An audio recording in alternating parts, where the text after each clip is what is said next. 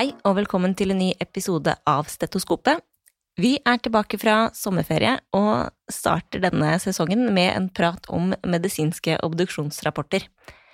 Obduksjon det sies å være gullstandarden for å finne riktig dødsårsak, og likevel er det ikke så ofte at denne delen av medisinsk virksomhet utsettes for kvalitetskontroll. Det har dagens gjest, Hanna Maria Eng, forsøkt å gjøre noe med. Hun er førsteforfatter på en ny artikkel i tidsskriftet som tar for seg kvaliteten på medisinske obduksjonsrapporter.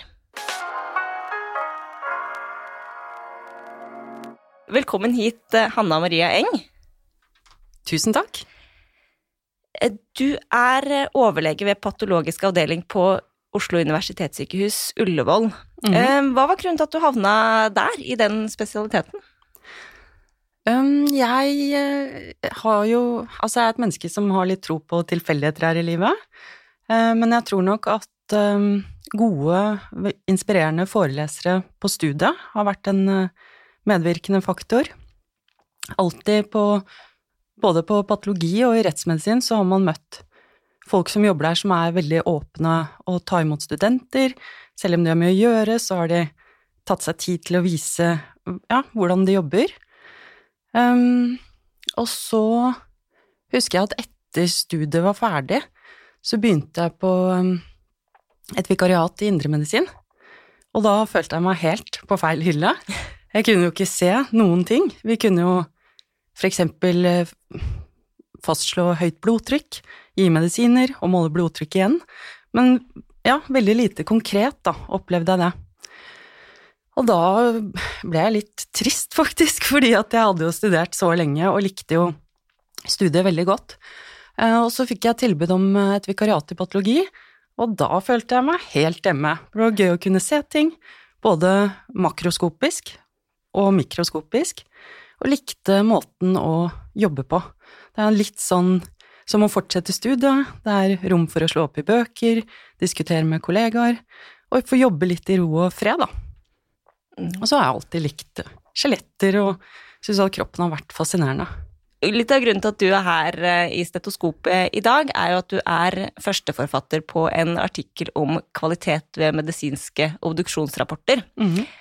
Og den artikkelen skal vi snakke om, eh, om litt, men mm. aller først så tenkte jeg vi kunne starte litt sånn grunnleggende og høre hva medisinsk obduksjon egentlig er. Hva, hva innebærer det? Mm -hmm.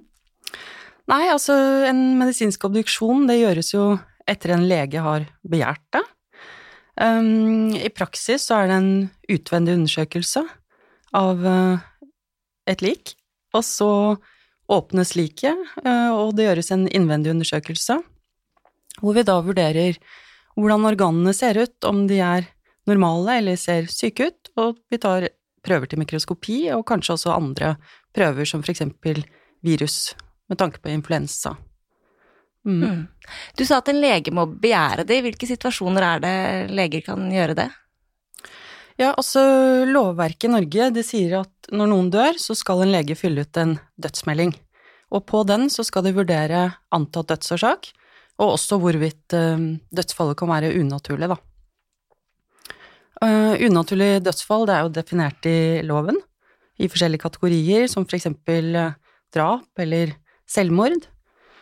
Um, og så hvis det er et unaturlig dødsfall, så skal lege kontakte politiet, som da skal bestemme om de vil ha en rettslig obduksjon, og hvis ikke det, så kan lege begjære en medisinsk obduksjon. Og det kan den også gjøre hvis det ikke er et unaturlig dødsfall.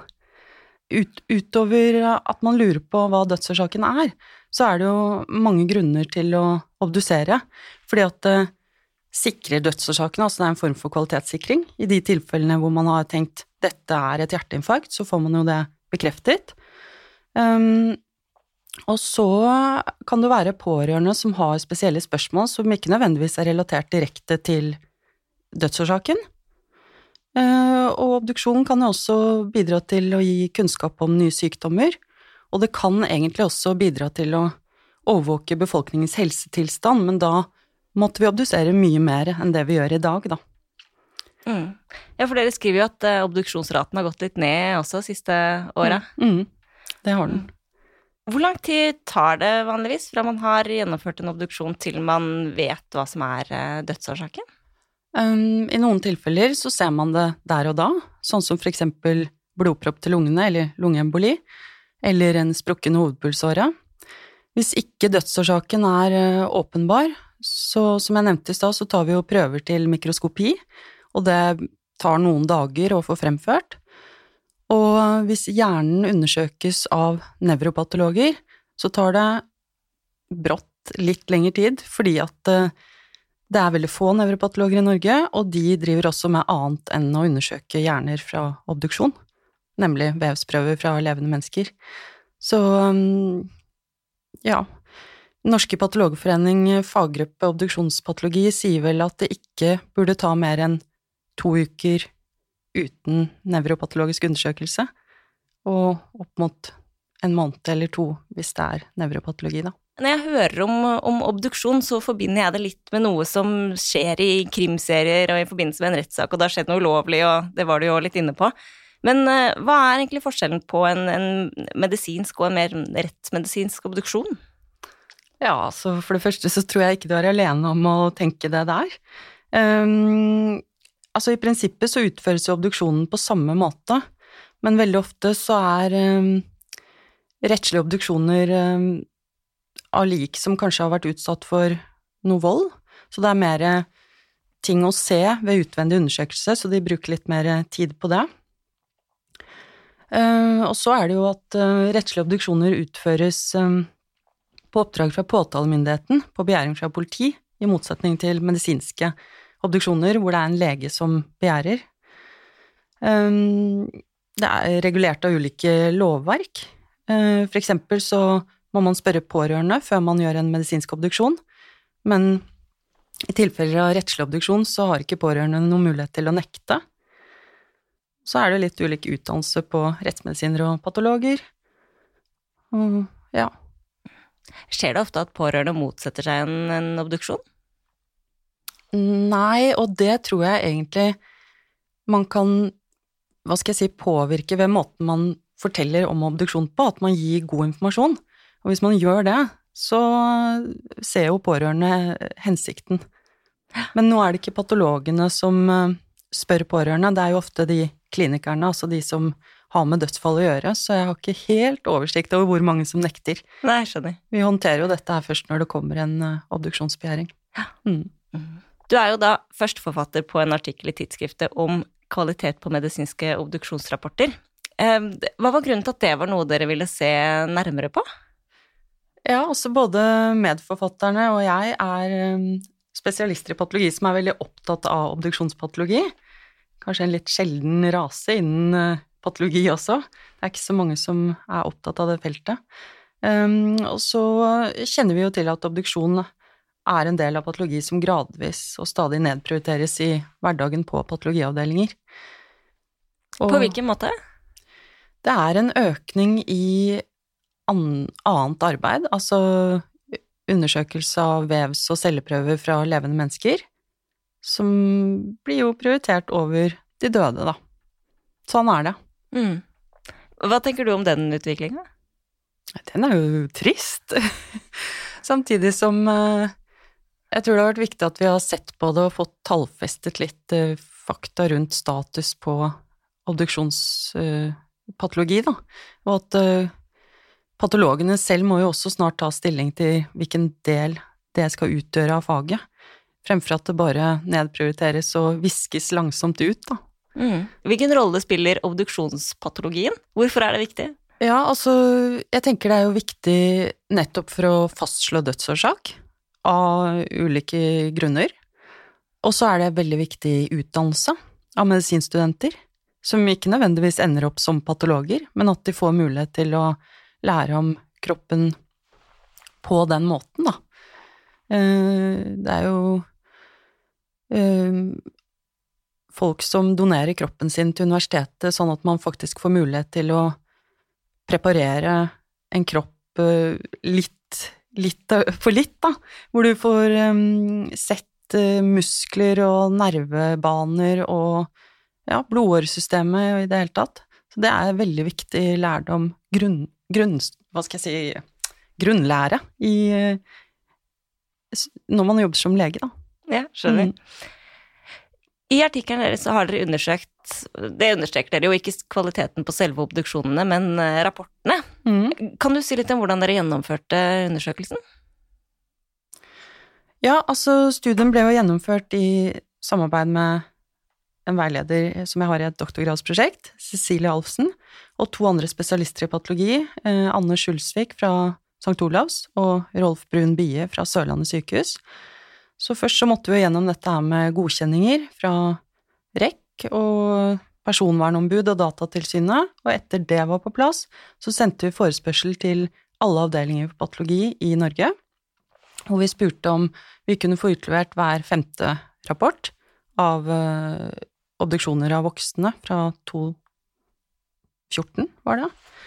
Uh, så fikk vi det tilsendt, og så utarbeidet vi en uh, protokoll på hva vi skulle registrere i rapportene. Og de rapportene ble bokstavelig talt anonymisert, at jeg klippet og limte, tok bort navn på avdøde og alle data knyttet til den, og også på sykehus og lege. Og så eh, delte vi rapportene oss imellom og registrerte ut ifra den protokollen. Så byttet vi rapporter en gang og registrerte på nytt, og sammenlignet svarene, da. Mm. Så litt sånn eh, gammeldags måte med papir. Rett og slett. Hva var det dere så etter, da? Vi så etter ganske mange ting, eh, blant annet hvordan funn og dødsårsaker etter en obduksjon rapporteres, eh, fordi det skal gjøres på en spesiell måte i henhold til regelverket. Norge er jo medlem av Verdens helseorganisasjon og plikter å føre en offisiell dødsårsaksstatistikk, og da er det prinsipper for hvordan man skal sette opp, eh, og det gjør det jo mulig for oss å vurdere om det er gjort i henhold til det. Um, og så registrerte vi um, hvorvidt eh, obduksjonsrapportene inneholdt en sykehistorie, og hvor utfyllende den var. Og um, også høyde og vekt, uh, hvorvidt det var registrert, og BMI utregnet, og ja, hvordan de makroskopiske og mikroskopiske beskrivelsene var, da. Mm. Mm. Og hva vil du si var de viktigste funnene dere gjorde? Um, det er vel at medisinske obduksjonsrapporter er preget av lang svartid, og at det er en del feil i oppsettene, noe som får konsekvenser for dødsårsaksstatistikken, da. Fordi at Dødsårsaksregisteret mottar jo um, obduksjonsrapporter og prøver å skrive en, eller registrere en dødsårsak på best mulig måte ut ifra den. Og da er det jo veldig viktig at vi rapporterer sånn som vi skal, da. Um, ja. Mm. Eh, altså, feil, feil, i oppsettet, hva kan det være, for eksempel? Det kan for eksempel være at uh, man skriver lungebetennelse. Altså, jeg tror jeg først skal si at uh, oppsettet er sånn Det er sånne romertall. Romertall 1 ABC og romertall 2, sånn som på dødsmeldingen. Og, um, og også bifunn skal rapporteres, og romertall 1 handler om underliggende dødsårsak. Altså hvilken sykdom eller tilstand som førte til at vedkommende døde. Og så har du over det så har du den umiddelbare dødsårsaken, altså hva som skjedde rundt øyeblikket vedkommende døde. Og så har du på romertall to som handler om bidragende eh, dødsårsaker, som uh, er uavhengig av det som står på romertall én, da. Mm. Så når jeg først har sagt det, så ville kanskje et typisk feil i oppsett være at man som underliggende dødsårsak fører opp ganske mange ting på én linje, sånn at du ikke kan lese hva det er, for eksempel hjerteinfarkt, koronaratrosklerose, klaffefeil, kols, diabetes hva, Da kan man umulig forstå hva man egentlig har sett for seg er den underliggende dødsårsaken. Ja, så det er én type feil som gjøres. Ja. ja. Mm. Man må velge, selv om ikke alt er klart alltid. Mm. Mm. Men hvor, hvor, problematisk er det da, hvis det blir feil i dødsårsaksregisteret? Nei, altså dødsårsaksstatistikken blir jo ikke bedre enn det datagrunnlaget som den er basert på. Men så skal det jo sies at obduksjonsrapporter eller obduksjoner utgjør en ganske liten del av datagrunnlaget. Det meste er jo basert på dødsmeldinger, som jeg nevnte i stad. Så i lys av det så får du jo ikke sånn prosentmessig voldsomme utfall, men jeg syns allikevel det er viktig å prøve å rydde opp i, da. Ja. Du nevnte også BMI. En ting jeg la merke til i artikkelen deres, er at dere, dere understreker at fedme ofte ikke føres opp. Ja. Um, hvorfor kan det være et problem? Ja, altså fedme er jo et uh, tema i samfunnet. Det, man hører jo stadig at uh, alle blir litt større, sammenlignet med tidligere òg. Um, jeg tenker hvis myndighetene skal få gjort noe med det, så må de jo vite hvor stort problemet er, og da går man jo kanskje til dødsårsaksstatistikk og ser hvor mange er det egentlig som dør av fedme. Så hvis det underrapporteres, så får man kanskje ikke gjort noe konkret med det, da. Dere skriver også at spesifikke problemstillinger, når de kom fra kliniker, så ble de ikke alltid, alltid besvart. Mm. Eh, de ble bare besvart i en tredel av tilfellene, tror Mm. jeg, hvis jeg leste riktig. Mm. Hva tenker du om det?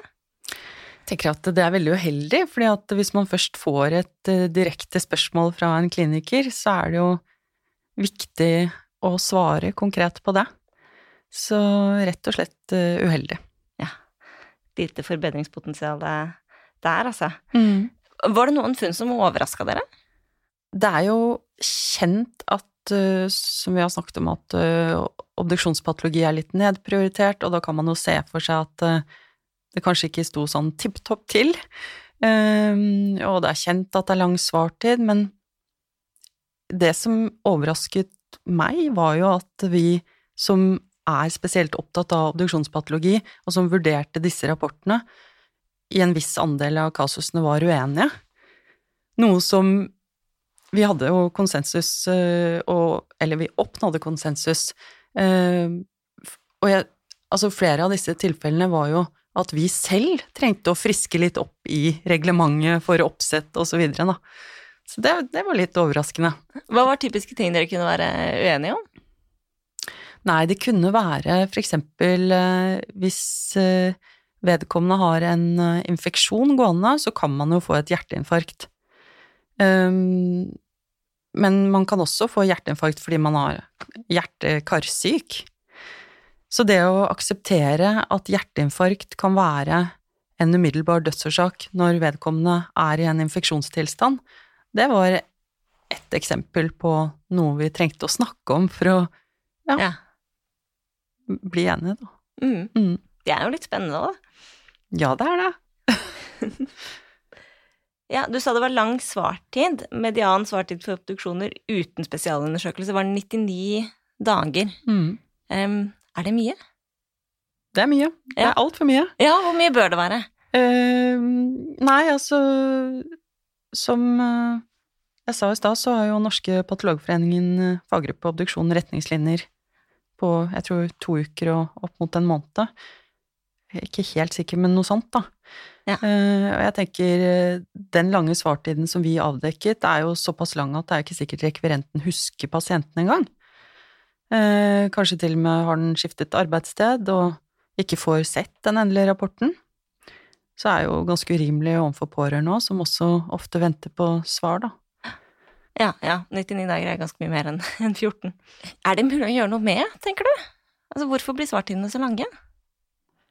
Nei, jeg tenker patologene må jo eh, gå litt i seg selv, og tenke over hvilken eh, rolle obduksjonspatologi skal ha. Enten så er det en del av faget fortsatt, og da må det prioriteres på lik linje med alt annet arbeid. Eller så må man finne en annen løsning for å se på hvordan obduksjoner kan håndteres, da. Om man kanskje kunne, vet ikke, slått sammen med rettsmedisin, som jo driver med obduksjoner i mye større grad enn eh, enn patologene, egentlig. Mm. Vi nevnte litt i stad at eh, det har blitt utført at det blir utført stadig færre obduksjoner i Norge. Mm. Dere skriver at på 1980-tallet ble det utført 6000 medisinske obduksjoner eh, årlig. Mm. 15% av alle dødsfall, Mm. mens det i 2018 så ble det gjennomført medisinske obduksjoner i forbindelse med 3% av alle dødsfall, så ganske mye lavere Mm. andel. Mm. Har du noen tanker om hva som kan være grunnen til det? Ja, det er jo uh, igjen økende mengde av undersøkelser av vevs- og celleprøver fra levende mennesker. helt klart. Eh, de undersøkelsene har jo blitt mye mer Altså, er større krav til kompleksitet, om jeg kan si det sånn. Eh, det tar lengre tid å besvare kreftpreparater i dag enn før, fordi vi har flere tilleggsundersøkelser som skal gjøres. Så det tror jeg nok er eh, tilfellet for patologenes del. Når det gjelder rettsmedisin, så er jo skjedd en endring i finansiering, sånn at eh, når politidistriktene selv må betale for det, så vil de jo ha en høyere terskel for å begjære rettslige obduksjoner, da. Mm. Mm. Nå kan det hende jeg gjentar et spørsmål fra i stad, men er mm. det, er det, et problem at det blir utført færre obduksjoner, slik du, du ser det? Så hvilke konsekvenser? Ja, eh, jeg tenker jo absolutt. Både for opplæring av kommende leger, Eh, de trenger jo basalkunnskap i anatomi og også patologi, som er jo det å gjenkjenne syke tilstander, da, og patofysiologi, og så er jo når ikke det er så mange obduksjoner, så er det ikke så mange pårørende som får vite hva ja, sine nærmeste døde av, da.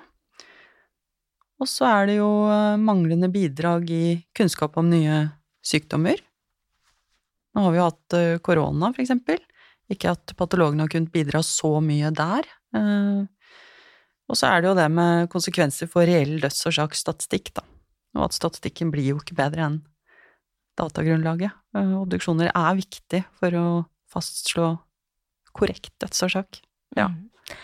Hvis vi skal prøve å oppsummere litt helt til slutten, hva er det viktigste å ta med seg fra undersøkelsen dere har gjort, tenker du? Um, det er å kanskje ja, vite at patologene driver ikke bare med obduksjon, men også med andre ting som gjør at obduksjon ikke prioriteres. Og så tror jeg eh, at vi må ha en tettere dialog med rekvirentene. Og vi patologene må rett og slett skjerpe seg når det gjelder eh, særlig svartid, da. Mm. Mm. Men altså, jeg tenker liksom, skyldes det bare den enkelte patolog som liksom glemmer det bort litt, eller er det litt mer sånn ikke, Det er et kjent strukturer, fenomen, ja. ja. Strukturer. Det blir ofte liggende, det kommer nye ting hele tiden som brenner litt mer, da.